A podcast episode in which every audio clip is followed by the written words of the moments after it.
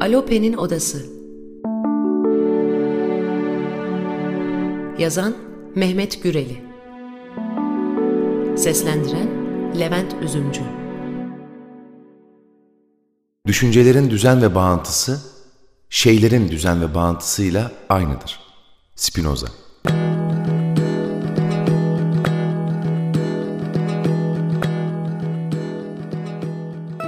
Işıklar altında uyuyor, gözleriyle düşlerin, biçimlerin korkusunu sayıklıyordu. Alope'nin giderek değişmekte olan yüz hatları, bekleyişin sesleriyle her gece sarsılıyordu. Ve artık kendi şaşırtmaları, oyunları bile ona yetmiyordu. Yorgun sabah gezintilerinde de aklı hep odasındaydı. Yürürken, otururken, yatarken lambanın altındaydı. Elleriyle yüzünü kapamış, bir utanç sayılmasa da ona benzer bir duygu içindeydi. Nereye gitse kopuşunu yaşıyor, istemeden karanlığı bekliyordu. İlk günlerde kendini böyle çember içine alan bir nesneyle karşı karşıya olduğunun farkında bile değildi. Yavaş yavaş daralan alanı, onu kızgınlığa, huzursuzluğa ve dengesizliğe doğru itiyordu. Onu anlatmaya karar verdiği gece de bunu nasıl habersiz, sessizce yapabileceğini düşünmüş olmaktan ürperdi.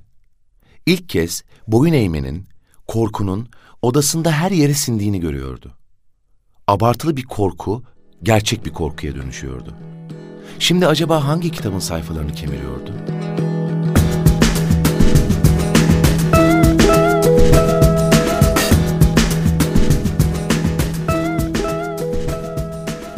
Yine yazamadı. Yatağa uzandı. Gözlerini kitaplığa dikti ve beklemeye başladı. Hiçbir şey düşünemez durumdaydı. Küçük bir ses de duymak istediği, odasından kaçıp gitmek istiyordu. Bir kahve içip, yanına yazılarını ve birkaç kitap alıp sokağa fırladı. Her yanda korkusuz, dingin insanlar görüyordu. Ya da kör olmuştu. Gömleğinin yakasını düzeltti ve kendi yarattığı parklardan birine daldı. Sevgilisinin onu artık aramayışını düşündü.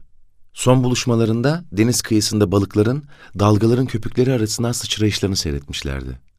Daha sonra büyüyen korku, güzel kadını Alope'den koparmış, Alope'de odasında yaşamını alt üst eden Mikromis Minitus'la, cüce sıçan, baş başa kalmıştı. Artık Alope'nin odası, gece gündüz birbirini gözetleyen iki canlının arenasıydı.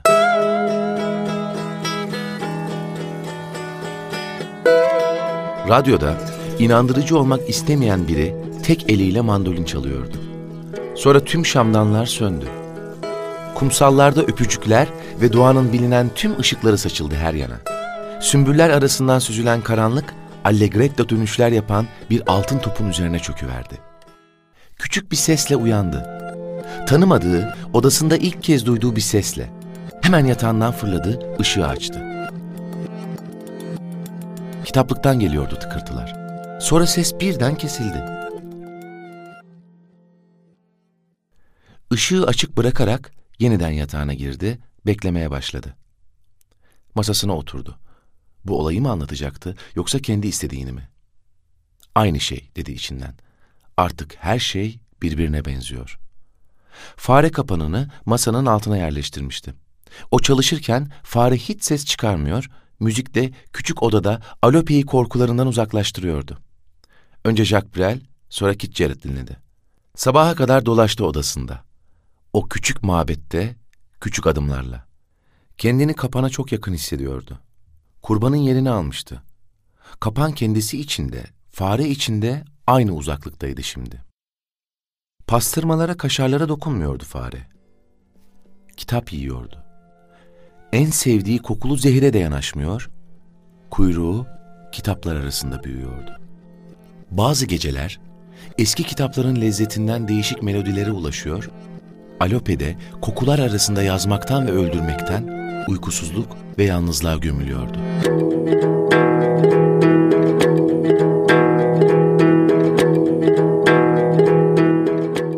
Hangi kitabın yanına bırakıldığını bilmeyen fare bir sonbahar günü doğmuştu.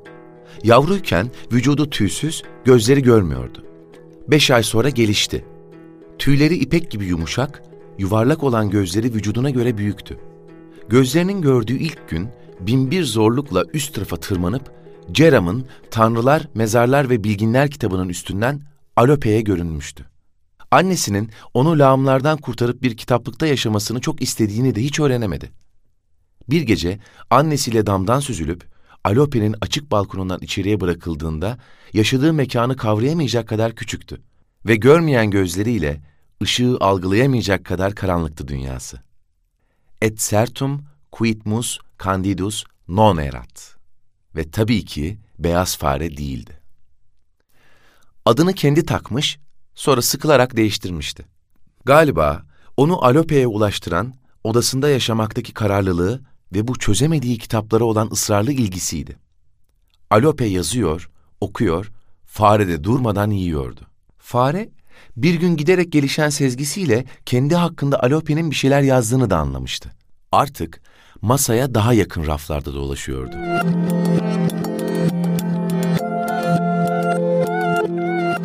Alope, öykünün sonuna gelmişti ama fareyle nasıl bir sona ulaşacağını bilmiyor, bekliyordu.